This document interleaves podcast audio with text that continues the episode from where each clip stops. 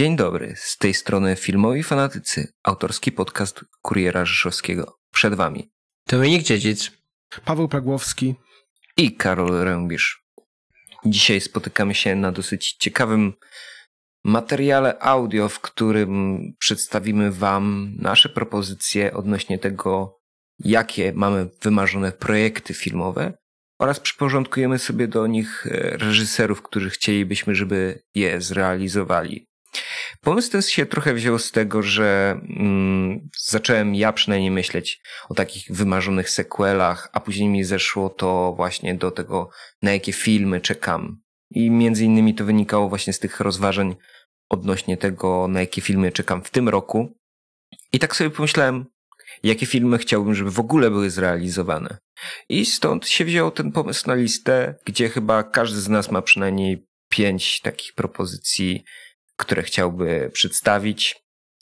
To teraz bez zbędnego gadania Dominik przedstaw swoją pierwszą propozycję. Moją pierwszą propozycją będzie e, polski e, temat, czyli o depresji w polskich realiach. E, bardzo taki intymny film o mężczyźnie. Chciałbym to właśnie ukazać i tym by się zajął Krzysztof Skonieczny, ale nie mógłby używać przekleństw, bo to byłoby pewnego rodzaju dla niego wyzwanie i nie mógłby nic tam zagrać. Takie, takie utrudnienie bym mu chciał e, nałożyć. Mm, ale wiem, że świetnie by sobie po prostu w tym poradził, bo jest niesamowicie zdolnym reżyserem, najbardziej utalentowanym według mnie w Polsce. Ugryzłby temat depresji, który jest taki troszeczkę nie do końca y, używany y, w filmach i dla mnie jako sam temat byłby ciekawy, więc myślę, że, że tutaj właśnie w taki bardzo fajny też y, społeczny sposób y, Krzysztof Skonieczny by to ugryzł. To ja bym się na pewno i pewnie setki użytkowników filmu webu nie zgodził, jakoby w polskim kinie temat depresji nie był poruszany. No bo jak wejdziesz na film web pod jakikolwiek poważniejszy film polski, wejdziesz w sekcję komentarzy, to oczywiście masz, że o, on musi być szaro, bury i tak dalej, bo tak musi być pokazana Polska. Co prawda ja troszeczkę ten pogląd podzielam, jakoby po prostu nasz Grajdołek był przedstawiony jako szare bury i w którym jest po prostu morze łez i rozpaczy, ale taki rasowy, psychologiczny dramat na przykład o depresji to jednak byłoby coś nowego i bardzo mi się podoba twój wybór reżysera. Myślę, że to mogłoby wyjść coś intrygującego jeżeli chodzi o to, to ja nie, nie miałbym do tego reżysera, ale skoro za każdym razem wszystko jest jak, jak to ująłeś w naszych filmach, tak jest, w naszych filmach takie strasznie szare i burę. Zastanawiam się, czy nieciekawiej by było znaleźć, yy, jak nazwać, odwrócić to w którymś momencie, ponieważ niedawno miałem okazję tak przez dosłownie moment zobaczyć e, polski magiczny realizm w sensie no, dwa, dwa krótkie kawałki literatury z tego. I myślę, że w tym byłby, byłby całkiem ciekawy potencjał, ale szczerze nie mogę sobie wyobrazić reżysera, który by, się tym zajął. Także jeżeli mamy cały czas właśnie przedstawienie różnego rodzaju takich smutnych rzeczy w polskich filmach, czy też szalej polskiej rzeczywistości, to mimo wszystko ciekawie by mi się właśnie patrzyło, żeby to w jakiś sposób umagicznić, żeby pokazać z tego coś ciekawszego to wydaje mi się, że taki, takim kimś, kto mógłby do szalej rzeczywistości wpuścić trochę światła, to jest Jan Jakub Kolski. Nie wiem, czy kojarzycie chociażby film Jasminum. On jest właśnie na swój sposób taki magiczny, lekko dziecinny, ale właśnie Kolski w tym filmie pokazuje, gdzie w szarej rzeczywistości e, klasztoru wchodzi dziewczynka, która nadaje temu jakby całej instytucji kolorytu. I myślę, że to byłoby ciekawe właśnie pokazanie, że w którymś momencie to obrócić, że robimy film o depresji i nagle okazuje się, że ta jedna osoba, bo nie wiem, czy nie o to ci chodzi, ale ta jedna osoba jest szara, ale w kolorowym świecie, tak? Po prostu chciałbym to ukazać, że też y, jak to jest, y, że mężczyźni trochę mają trudniej z tym e, z, tym, z tą depresją, nie? No bo wiadomo, że muszą być silni i tego typu też y, kwestie i tematy podjąć. Więc coś, i to bardziej intymne niż, niż tak jakby y, na tle tak społeczeństwa. to też by był, myślę, wydaje mi się całkiem ciekawy temat, jeżeli, e, jeżeli o to chodzi, bo faktycznie jakoś tak prawie zawsze jest w tym jakiś e, trochę za dużo takiego pokazu siły, tak mi się wydaje. Nie mogę sobie przypomnieć momentów, w którym nie, nie byłoby czegoś takiego, e, że mężczyzna ma faktycznie jakoś tam nazwijmy to, bardzo rozbudowany wewnętrzny dialog na ten temat, zamiast tego po prostu musi być bardzo często jakaś agresja. No, może, wiadomo, wiadomo że nie, nie, nie zawsze, ale jakoś przypominam sobie w większości tego typu przykłady. Ale może przejdźmy do kolejnego pomysłu. Więc tak, e, przeszliśmy z polskiego reżysera. E, ja chciałbym przejść do polskiej powieści, ale nie do polskiego reżysera.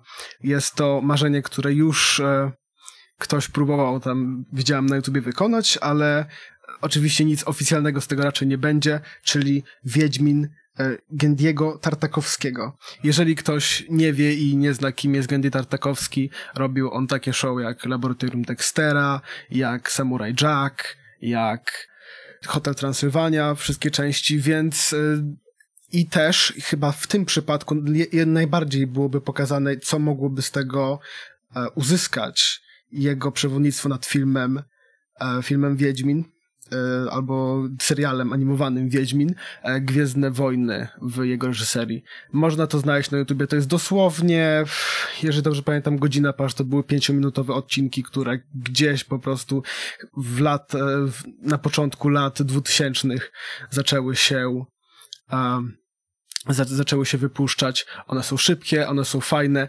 i na, naprawdę polecam, jeżeli ktoś tylko ma moment. I myślę, że świetnie by to wpasowało się w całą estetykę Wiedźmina. W szczególności, że teraz wypuścił Primal na Adult Swim, który jest jeszcze mroczniejszy, jeszcze bardziej krwawy od tych poprzednich.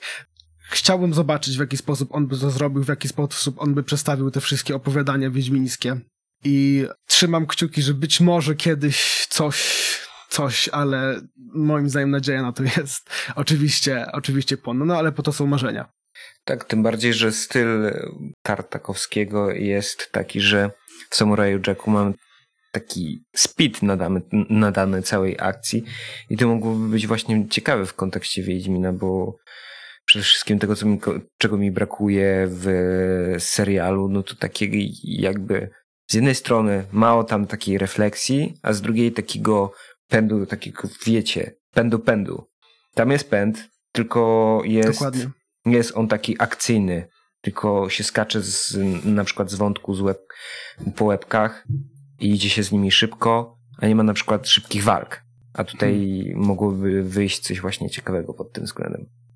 No właśnie, ponieważ myślę, że wiadomo, że Gandhi jest znany swoich scen akcji, więc to, na to też osobiście bym czekał, ale myślę, że dzięki temu, że byłaby to z jednej strony ten jego też artystyczna wizja, e, przedstawienie tych poszczególnych świata dookoła i też pewne trochę cichsze momenty, może byłoby to jakieś, nazwijmy to, kontrbalans do tego, co zaprezentował w swojej e, no właśnie to, co powiedziałeś o, o, samuraju, o samuraju Jacku, czyli po prostu jechania przed siebie, trochę nie patrzenia za bardzo co się dzieje fabularnie, taka forma nad funkcją, nad e, styl ponad wszystko i tak dalej.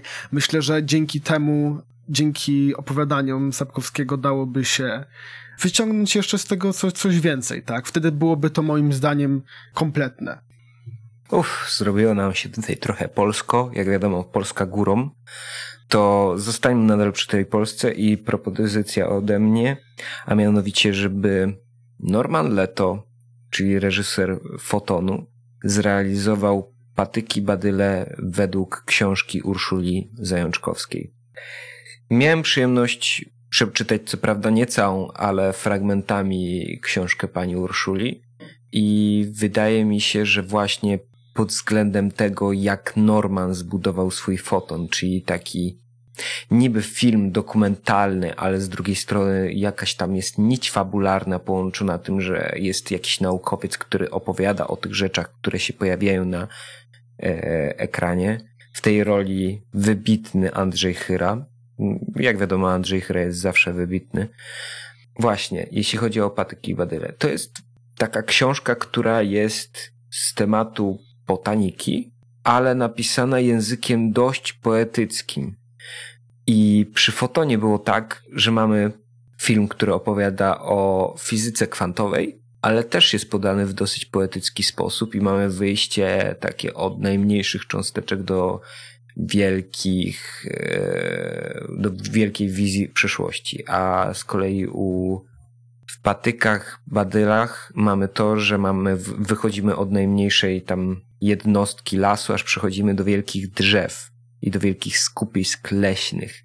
I wydaje mi się, że to też mogłoby wyjść coś właśnie ciekawego, tym bardziej, że Urszula Zajączkowska interesuje się formą wideo i trochę takich eksperymentalnych filmów e, z roślinami w roli głównej robi, więc myślę, że jej współpraca z Normanem mogłaby wyglądać bardzo interesująco.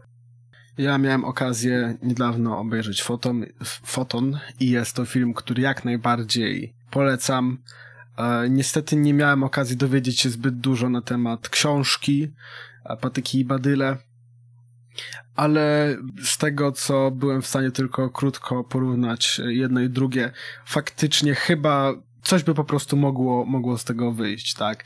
E, jak obserwowałem ten foton, to tam też jest z jednej strony przedstawienie historii świata od, od wielkiego, od, od naszego obecnego rozumienia wielkiego wybuchu i powstania materii do e, no właśnie przyszłości, przejście przez te wszystkie ery, naprawdę ciekawy opis tych konceptów, e, które, które się dzieją, tego w jaki sposób rozumiemy, że rozwinęły się pewne cechy w naszych społeczeństwach. I byłem tym naprawdę zafascynowany, także jest on dostępny na Netflixie.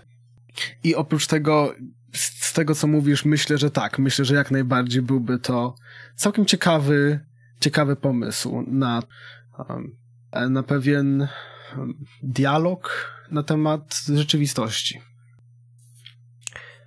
To jest propozycja, którą najbardziej chciałbym aktualnie zobaczyć. To o imprezie narkotykowej, e, gdzie głównymi właśnie Mm, używkami byłyby psychodeliki i cała po prostu impreza byłaby właśnie taka psychodeliczna y, z, właśnie z dużą ilością muzyki po prostu ze, z takimi no po prostu z takim szybkim, fajnym montażem pod muzykę i do tego jest oczywiście idealny Edgar Wright. Wiem, że on by to cudownie zrobił. Byłby to oczywiście taki też młodzieżowy typowo film Niesamowicie chciałbym to zobaczyć. Wiem, że byłaby to, byłoby to super doświadczenie muzyczne, idealna intensywność. Po prostu Edgar idealnie by się mógł zabawić. Dokładnie, jego styl wizualnego opowiadania wszystkiego, to w jaki sposób łączył, łączy muzykę do tej pory mnie bardzo często po prostu bardzo cieszy, różnego rodzaju przesadzone ruchy, różnego rodzaju przesadzone sytuacje. Znaczy, przesadzone, po prostu przestawione w taki sposób, jakbyśmy być może zobaczyli to e, w komiksie albo w jakiejś e, historii obrazkowej. Niekoniecznie jakbyśmy zobaczyli to na filmie i w jaki sposób to wszystko łączy się, e, jak nazwać dalej to wszystko w jakiś taki cudowny sposób łączy się, że po prostu chce się, chce się to oglądać.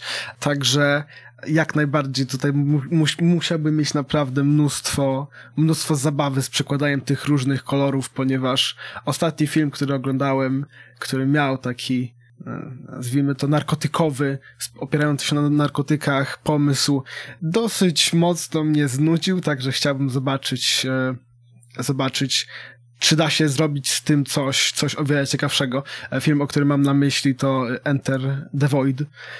Nie jestem pewien, jaki jest polski tytuł. Jeżeli któryś z was oglądał, to mógłby skomentować, jak, jak różne byłyby, mam nadzieję, to filmy. Ja nie oglądałem Enter the Void, ale oglądałem Gaspara Noe Climax i myślę, że akurat takie podejście Edgara Wrighta mogłoby być dużo świeższe nawet niż Gaspara Noe w sensie Gaspar jest dziwnym reżyserem, trzeba przyznać, a Edgar, mimo swoich różnych szalonych, wydawałoby się, rozwiązań, jest dosyć zachowawczy. Nie łamie e, tak tabu jak Gaspar Noé. I myślę, że mogłoby wyjść właśnie coś dużo strawniejszego i ciekawszego niż to, co zrobił Gaspar w Climaxie. Bo Gaspar jest powiedzmy bardziej erotyczny niż narko narkotykowy i dlatego aż tak dobrze to nie wychodzi, jeśli chodzi o narkotyki w jego przypadku. Może, że, możliwe, że jednak coś w tym jest. Więc na mojej kolejnej pozycji Znowu, znowu zrobi się polsko. Dwóch reżyserów przypisałem do jednego pomysłu. Jeden z nich e, już no, od dłuższego czasu nie, nie chodzi po ziemi, a drugi z nich, a w, od, drugi z nich zobaczymy. czy e, coś, czy coś sugerujesz? tak, oczywiście idę zabić Roberta Eggersa. Już po prostu zabieram się za to. E, a, już zdradziłem pierwsze nazwisko. Pierwszym z nich byłby Akira Kurosawa, a drugim z nich Robert e, Edgers. Mam nadzieję, że dobrze wymawiam jego nazwisko. I film, który chciałbym zobaczyć od jednego z nich, to byliby polscy krzyżacy, ponieważ moim zdaniem Polacy cierpią na brak dobrych filmów opartych na, na literaturze, moim zdaniem. Jak sobie przypominam różnego rodzaju filmy oparte na różnego, na lekturach w szkole i tak dalej, żaden z nich nie był brakowało im zawsze czegoś. zawsze sobie przy, przypominam o takich rzeczach. I w tym przypadku mo mogłyby być dwa, naz nazwijmy to ciekawe, ciekawe taki znowu kontrast i, ro i rozwiązania. W przypadku Kurosawa oczywiście, no to mielibyśmy różnego rodzaju taki ruch, bitwy i to w jaki sposób to wszystko się, jak to nazwać, jakieś te interakcje między postaciami też e, moim zdaniem, tak mi się wydaje, taki mimo wszystko bardziej, momentami bardziej kontemplacyjny, kontemplacyjny świat, a w przypadku Roberta Edgersa byłaby to taka wersja z pazurem, taka trochę brudniejsza, taka bardziej krwawa, takiej, w której po prostu dzieje się coś, coś naprawdę, coś naprawdę ciekawego. I e, tak, to są takie, dwóch reżyserów zmieściłem do, do jednej historii, ponieważ e, gdyby jeden żył, a drugi być może kiedyś mieli okazję coś, coś z nią zrobić, to moim zdaniem byłoby z tego coś całkiem, całkiem ciekawego. Właśnie e, połączenie no, dwóch reżyserów to jest ciekawe, bo jednak e, zazwyczaj dostajemy jednego reżysera, jedną tą spójną wizję jednej osoby. Ewentualnie bracia się są w stanie na tyle dogadać, żeby reżyserować razem. Więc to na pewno zawsze byłaby ciekawa fuzja. Znaczy, e, ja nie mówiłem o, o nie mówiłem o fuzji, mówiłem, że, że, że wypowiedziałem, że albo jeden, albo drugi, tak? W sensie, że jeden z nich zrobiłby w swojej wersji krzyżaków, a drugi z nich zrobiłby w swojej w swojej Kurde, wersji to przekminiłem za bardzo to, co, e, co wymyśliłeś. Ale to też, to też, to też by było w sumie ciekawe, mi się wydaje, miejscami pomysł. Zresztą jeżeli chodzi o Kurosawę, to zawsze wyobrażałem sobie to mniej więcej, mniej więcej tak, że e, będzie to tak, że Zbyszko z Bogdańca e, obrazi posła królewskiego i popełni sepuku w następnych 30 minutach i to byłby koniec filmu. Także to musiałoby być coś jeszcze do, po, po tym, jak obrazi tego posłańca, no ale o tym, o tym będziemy mogli porozmawiać, kiedy w końcu będziemy w stanie wskrzesić e, Kurosawę z grobu. E, być może w jakiś sposób w przyszłości. w tej przyszłości, o której mówił, e, o której było w fotonie, być może będziemy w stanie zmapować, zmapować resztki mózgu Kurosawy i roz, rozmówić się z tym, co z niego zostanie. To będzie ciekawe. Ewentualnie nam zostaje ta tabliczka do przywoływania duchów i będzie po prostu ten Kurosawa będzie nam wysyłał pojedyncze literki, co mamy zrobić i tyle. I tak będziemy reżyserować. Dokładnie. Znaczy Eggers będzie reżyserował według jego po prostu wskazówek. Według jego wizji. A, to, to dokładnie, to, to by było jeszcze ciekawsze. Kolejna propozycja?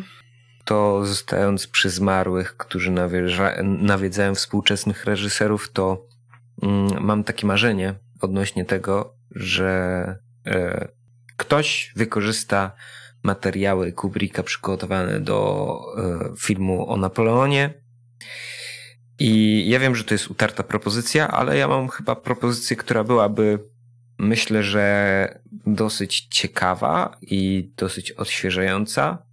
A mianowicie, żeby to sam Mendes wykorzystał materiały opracowane przez Kubricka i nawet nie wyreżyserował jednego filmu, tylko sześciodcinkowy miniserial Napoleon.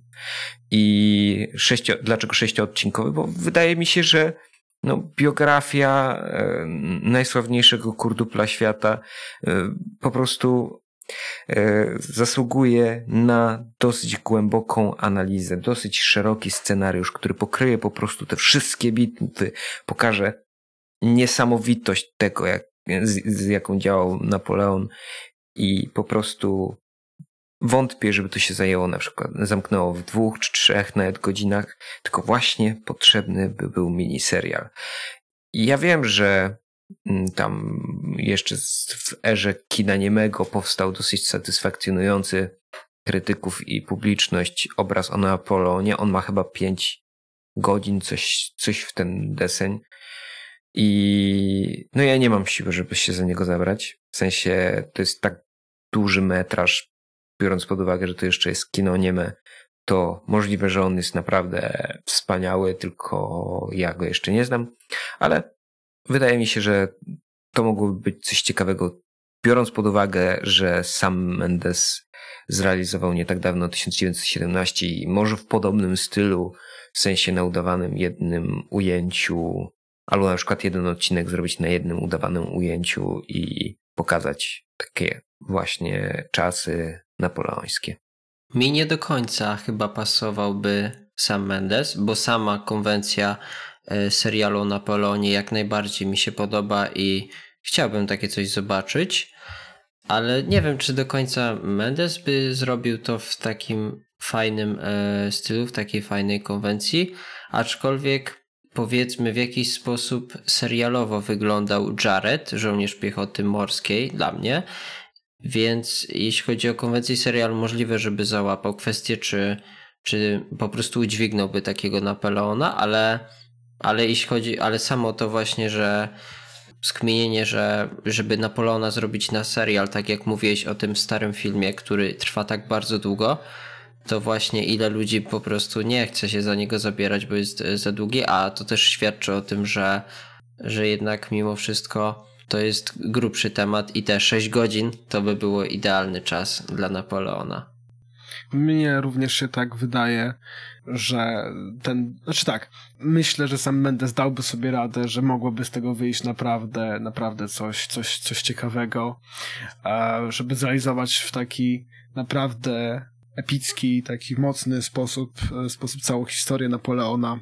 A moim zdaniem gdyby się do tego nadawał i tak jak najbardziej widzę, że nie, raczej nie mógłby być to chyba jeżeli chcieli, chcielibyśmy to przeprowadzić dobrze, no to te, te do dwóch i pół godziny, no to e, czy tam nawet do trzech godzin w porywach ciężko byłoby to wszystko zrobić. Jak najbardziej potrzebowalibyśmy takiego mini, mini serialu, serialu na ten temat.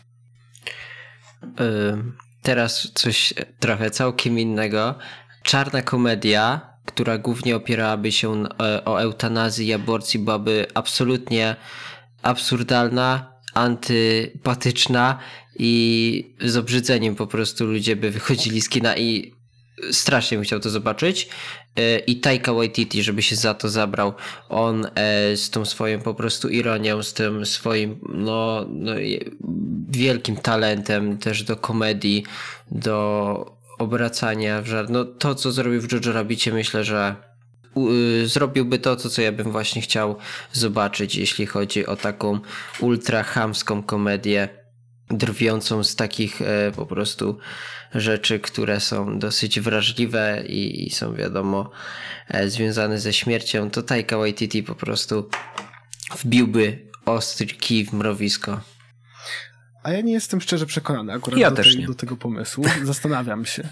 Za, za, za, zastanawiam się. Wydaje mi się, że akurat Jojo Rabbit mimo wszystko on zniósł dużo wagi z tych tematów. I wiadomo, że byli, znaleźli się krytycy, którzy, którzy bardzo mocno no, którzy, którym nie, to, nie samo przedstawienie tematu się nie, nie smaczyło. Tak, w sensie to, że ktoś zabrał się. No tak, to dobrze, to o to mi chodzi.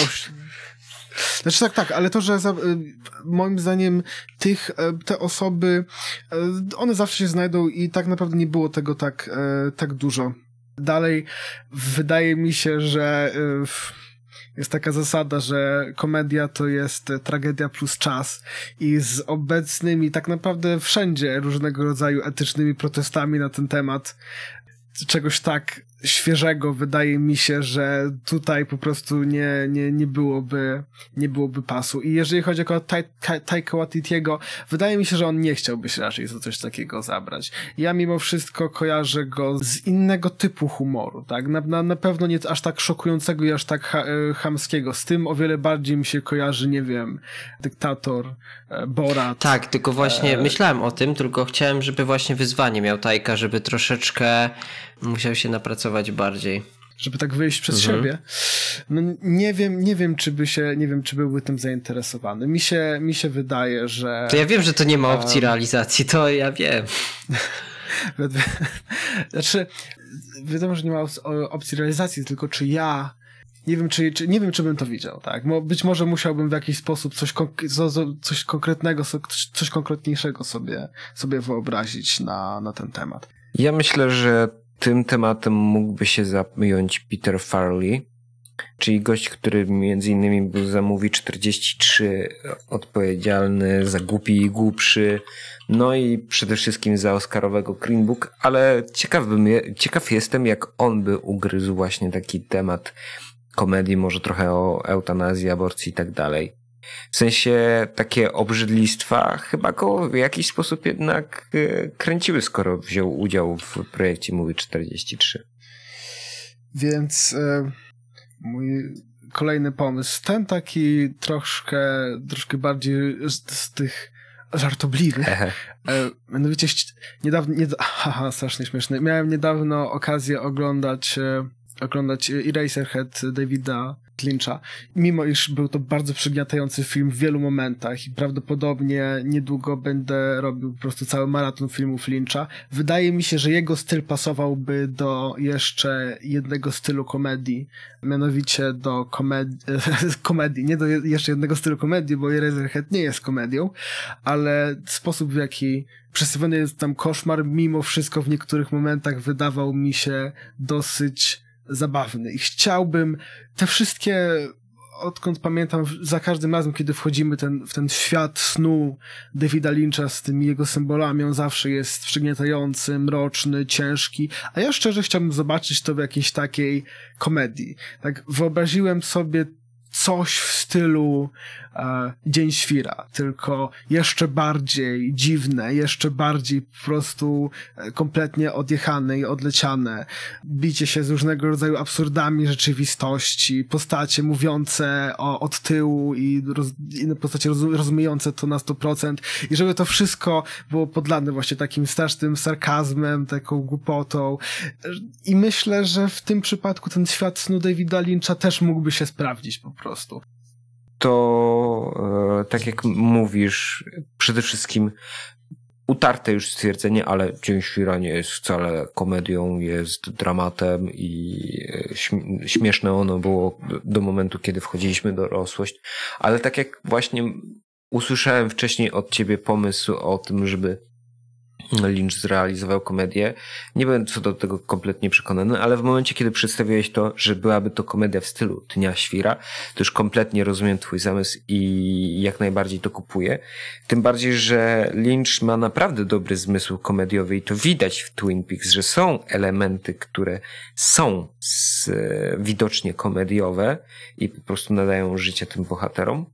Ale z drugiej strony, mm, Lynch trochę robi nieintencjonalnie komedię, bo yy, jakby nie wiem, czy wszyscy tak mają. Ja tak przynajmniej miałem, kiedy oglądałem Eraserhead, nawiązując właśnie do twojego seansu, że Eraserhead pcha cię do takich granic, że ty zaczynasz ze stresu i jakby z nadmiaru obrzydliwości śmiać się z tego filmu. W sensie nie tak ha ha ha ha ha ha ha ha ha, tylko po prostu to jest taki nerwowy śmiech, taki nie? Takie po prostu nerwowe chichotanie tak, i takie.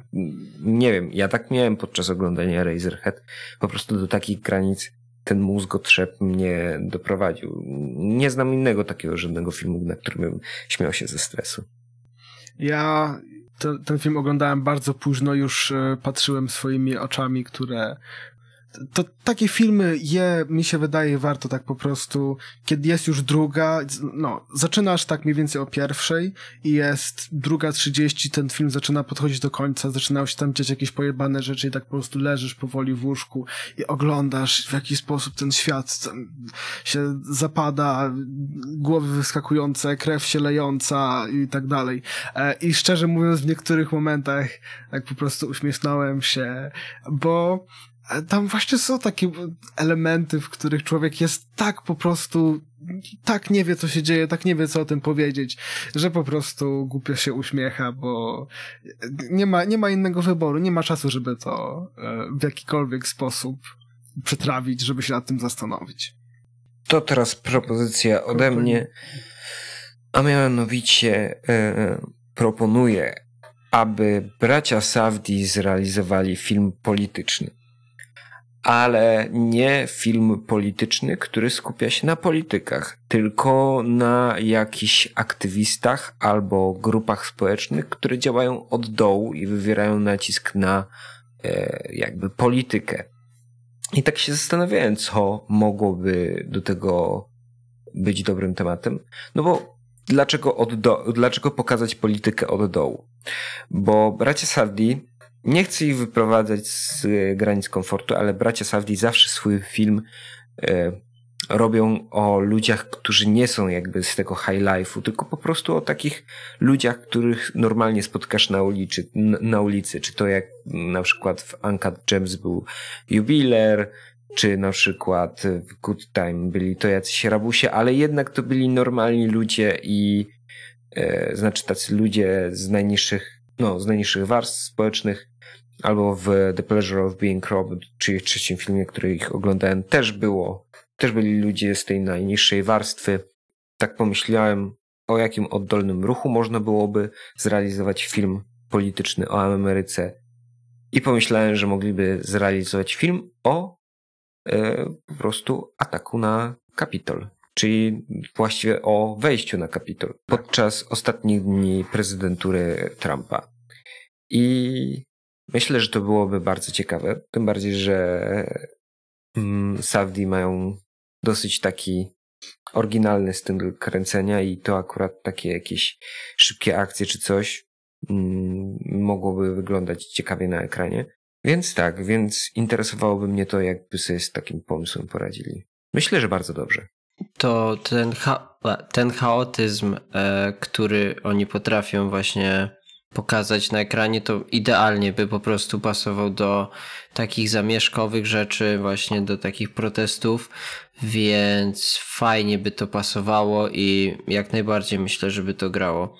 I ja bym też chciał zobaczyć u nich, że nie ma tak jakby tak głównego bohatera, tylko jest troszeczkę ta, ten ciężar rozłożony na kilku i jak ten chaos, który oni potrafią wywołać, jeszcze bardziej by nam zamocił w głowie. To pod, pod tym względem to mi, mi by się wydało e, ciekawe, w sensie, żeby było właśnie paru bohaterów. Ale jeżeli chodzi o ten pomysł, żeby to było tych, e, jak to nazwałeś, niższych, oddolnych grup, myślę, że właśnie to by była ciekawa okazja, żeby chyba bardziej się nie da, ale zdemis, zdemistyfikować politykę, tak. To, że są to ludzie, którzy żyją w tych idealnych e, jakichś domach, mają mnóstwo pieniędzy i tak e, właśnie ten high, amerykański high life. Moim zdaniem to by było właśnie całkiem ciekawe, żeby zobaczyć, że e, na podstawie na przykład jakichś prawdziwych zdarzeń albo prawdziwych historii taki montaż różnego rodzaju takich faktycznie najciemniejszych, najniższych e, deali z jakimiś tam różnego rodzaju dyktatorami podejrzanymi, albo z różnego rodzaju właśnie naj, na, właśnie najniższymi tymi, tymi ak aktorami polityki, tak? Bo wiadomo, że takie rzeczy cały czas się dzieją i to też byłoby, od tej strony to byłoby ciekawe. Nie jestem pewien, w jaki sposób to wyglądałoby, gdyby nie jestem pewien, w jaki sposób, sposób to wyglądałoby w twojej wersji. Przynajmniej e, nie tak, nie tak zrozumiałem twoją wersję? Nie, dobrze, dobrze, dobrze. Tak właśnie mi o to chodziło, że pokazać, że najniżsi, e, jakby to powiedzieć, mają kontakt z władzą, że oni pośrednio wywierają wpływ na nich. Dokładnie. To, to w jaki sposób, to, nie, to, to by było naprawdę ciekawe. To będzie o rytuałach satanistycznych, takie ultra po prostu brudne rytuały, gwałty na dziewicach, e, palenie kota rozpuszczalnikiem, e, przemoc, e, po prostu orgie i wkracza dwóch, dwóch po prostu detektywów i oni likwidują te wszystkie właśnie te po prostu rytuały satanistyczne uczestników tych czarnych mszy i oczywiście Craig Zalher zrobiłby to sadystycznie idealnie. Nie dość, że ukazałby te obrzędy maksymalnie obrzydliwie i sadystycznie, to jeszcze w sposób brutalny by się rozprawił, e, pokazując właśnie to tych dwóch, e, dwóch detektywów, którzy by po prostu byli bezlitośni dla, e, dla tych po prostu satanistów, bo Craig Zalker po prostu, ja się zakochałem w tym reżyserze ostatnio, to jaki on ma wyrazisty styl, to jaki on jest perfekcyjny w budowaniu napięcia i po prostu w takiej sadyzmie, że aż po prostu jest przykro, że ty to widzisz, że to by było cudowne po prostu. Ten, ten reżyser, ja czekam na jego kolejne filmy, bo bo to jest najnowsze moje takie odkrycie, które, którym się jaram. Mój kolejny pomysł e, przebiegałby w taki trochę e, nie, nie, nietypowy sposób, ale jeżeli mówimy o rzeczach, jeżeli już mówimy o rzeczach e, obrzydliwych i satanistycznych, e, Ari Aster, jak wiadomo, ma talent do filmów, które przedstawiają rodzinę w chory, przerażający i, i jakiś tam e, sadystyczny sposób. I zastanawiam się, e, czy nie dałoby się zrobić tak, jakiegoś takiego jak nazwać, delikatnego, francuskiego, artystycznego filmu o kazirodztwie i pod koniec okazywałoby się jakieś coś po prostu takiego strasznie pojebanego albo strasznego na ten temat, tak. I wydaje mi się, że Ari Aster do tego typu filmów, do tego typu właśnie takich przekrętów, w których człowiek nie, nie jest pewien do końca, co się dzieje, tylko dzieje się coś po prostu strasznie, strasznie strasznego i nawet nie wiemy, nawet nie zauważyliśmy kiedy. E, on by pasował do tego jak, e, jak najbardziej, tak.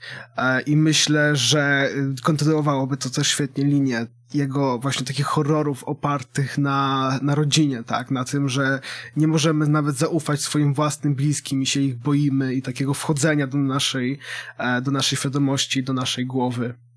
Myślę, że właśnie w ujęcie tego tematu w taki sposób. To jest strasznie luźny pomysł, prawdopodobnie dałoby się z niego jeszcze, jeszcze coś zrobić, jeszcze, jeszcze coś wykrzesać, jeszcze dodać jakieś kolejne elementy, ale widziałbym go, kiedy skonstruowałby taką właśnie ciężką po prostu fabułę, która byłaby z jednej strony kontrastowo niby przyjemna, ale tak naprawdę po prostu obrzydliwa. To Ari Aster pozostaje cały czas dla mnie jeden z twórców, których ja z chęcią będę obserwował w przyszłości i będę każdy jego film oglądał, bo no zaczął dla mnie świetnym debiutem i kontynuował drogę poprzez wybitny drugi film. Ja uważam, że Midsommar to jest nadal jedno z dóbr, jakie nam dostarczyła ostatnia dekada.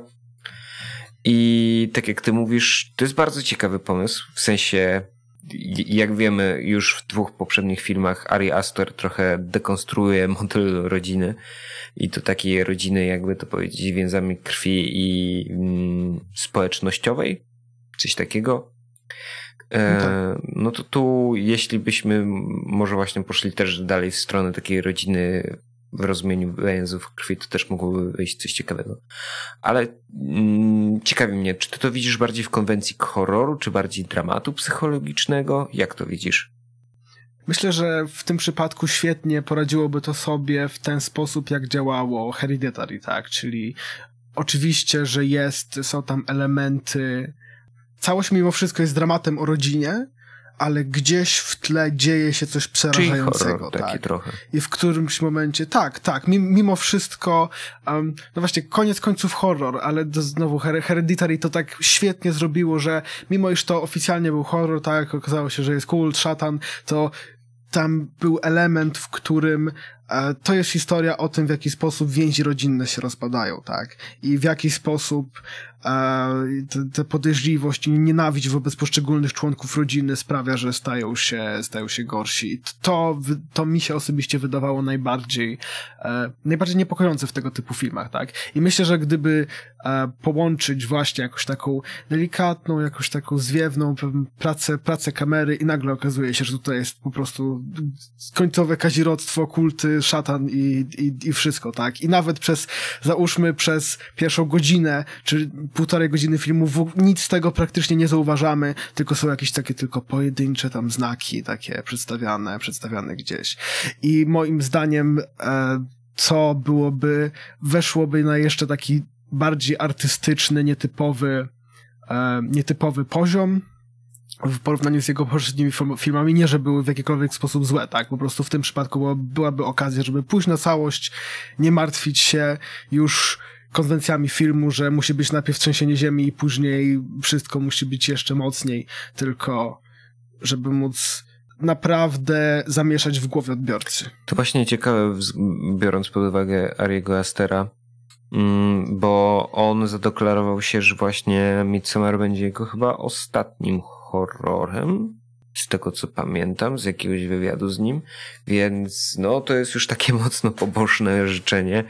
E, on zrywa z gatunkiem horroru i bardziej byłbym teraz ciekawy, co on wybierze, jeśli nie horror, bo przedstawił się właśnie jako ciekawy twórca nowej fali horrorów, a z, z gatunku nowej fali horrorów, a co wybierze teraz? Może pójdzie bardziej w jakieś takie dramaty psychologiczne, i jak Bergman, bo mhm. właśnie on mi zawsze trochę jego filmy tak Bergmanem śmierdziały, więc może, może ta strona, może taki właśnie e, niepokój, ale bardziej egzystencjalny, metafizyczny i tak dalej.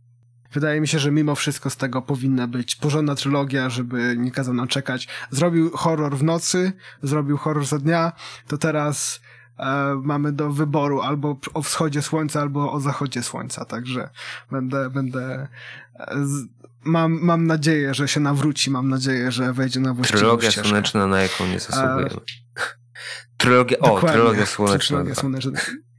Ari Aster na pewno by się świetnie pobawił, jeśli by całkowicie mógł zdjąć hamulce, bo ja i tak uważam, że w Midsomarze się i tak hamował. To, to co on by wyprawiał z tym, to nie chcę sobie myśleć, ale to by było cudowne. Moją ostatnią propozycją jest film, y, byłby to maksymalnie sadystyczny o przemocy w internacie. Y, I chciałbym, żeby zabrał się za to Lars von Trier i nie mógłby absolutnie nic seksualnego. Nic by nie mógł. Takie by wyzwanie mu e, chciałem narzucić, e, bo wiem, że on fajnie sobie radzi z przemocą i od tej strony psychologicznej fajnie, po prostu fajnie oczy by bolały, fajny sadyzm by pokazał, a też, też po prostu no lubię ten jego styl, e, więc y, też jakby taki, taka forma agresji y, bardzo mi odpowiada, jaką on przedstawia w filmach. Więc myślę, że, że to by było ciekawe. A jeszcze jakby nie mógł absolutnie nic związanego z seksem, to dla niego duże wyzwanie. To już tak y, przedostatnia moja propozycja, co by się pośmiać, hehe, a mianowicie moim takim marzeniem, ale to już jest moje eskapitystyczne marzenie filmowe, to jest, aby Paul Thomas Anderson zrealizował pastę o wujku wędkarzu z Robertem Pattinsonem w roli Anona i Willema Dafoe w roli starego.